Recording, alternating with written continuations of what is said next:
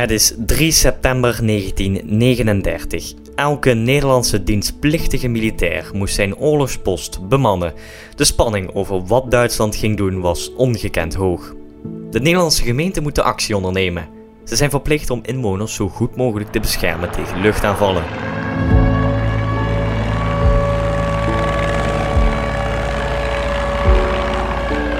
In Bunde, Geulen en Meersen worden lokale luchtbeschermingsdiensten opgesteld.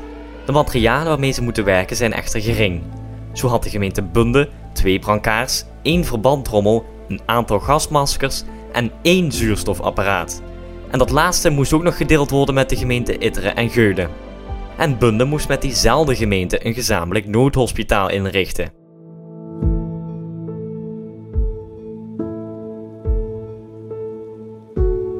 In Zuid-Limburg was er een militair plan gemaakt om het gebied te verdedigen. Het eerste bataljon van het 37e regiment infanterie moest dat gaan doen. Vier compagnieën van 132 soldaten gingen aan de slag. De post van de kapitein van het tweede bataljon was in Geulen gevestigd. Zijn taak was om zo lang mogelijk het gebied achter het Julianenkanaal in stand te houden.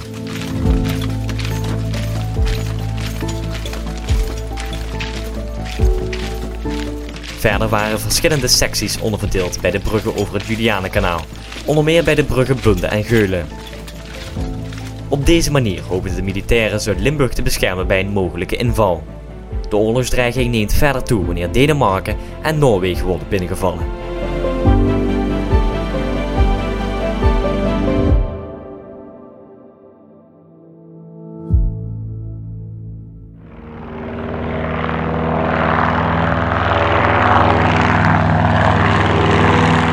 Aantal dagen na die inval, op 20 april 1940, vliegt een Duitse Heinkel 111 ter verkenning boven Frankrijk en België. Het wordt zwaar onder vuur genomen.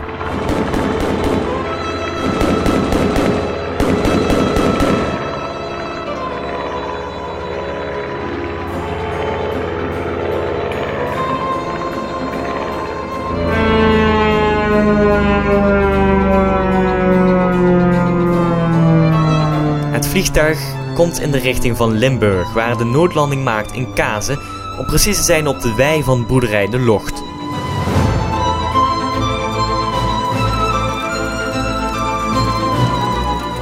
Bij de crash van de Duitse bommenwerper kwam Frits Stern om het leven. De overige vier bemanningsleden overleven het ongeval.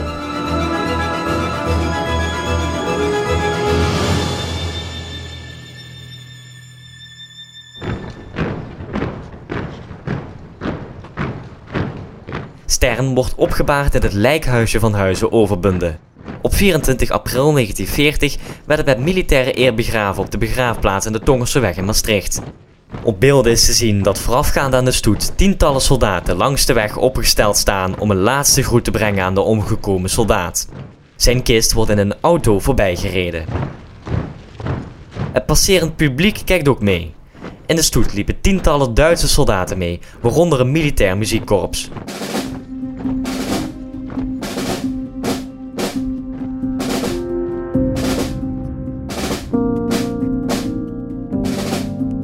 Op de begraafplaats wordt de kist van Frits Stern, omgewikkeld in een natievlag, uit de auto gehaald om vervolgens te worden begraven.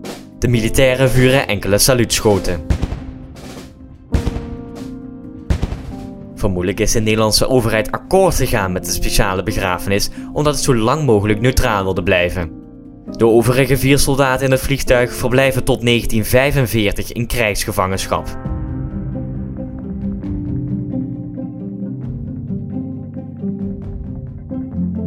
In 1948 wordt Frits Stern herbegraven in IJsselstein.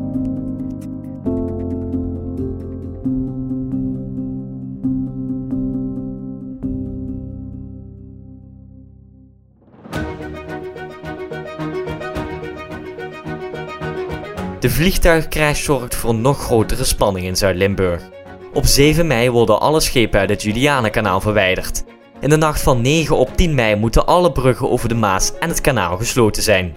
En in de vroege ochtend van 10 mei wordt Nederland binnengevallen door Duitse troepen.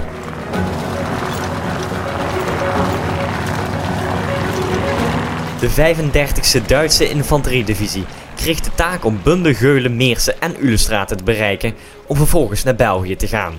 De divisie split zich op. Eén groep gaat via Ulestraten naar de brug in Geulen om vervolgens naar het Belgische Rekem te gaan. De andere groep ging via Meersen naar de brug in Bunde om naar Neerharen te komen.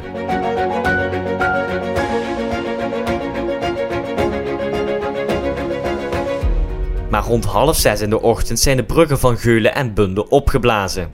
De Duitse troepen die de brug in Geulen bereiken worden zwaar onder vuur genomen.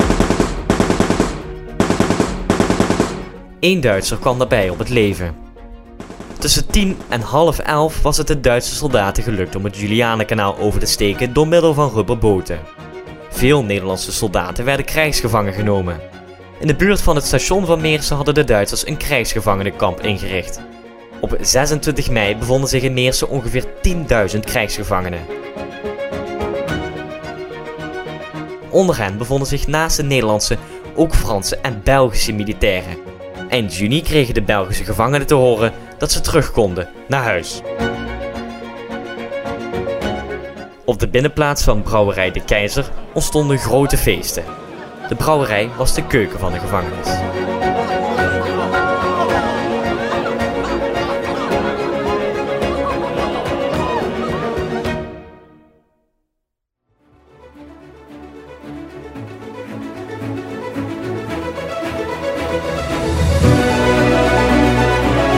Dit was een aflevering van de podcast Ontdek Meersen. Iedere aflevering korte verhalen over de geschiedenis van Meersen. Dit in het kader van 40 jaar herendeling.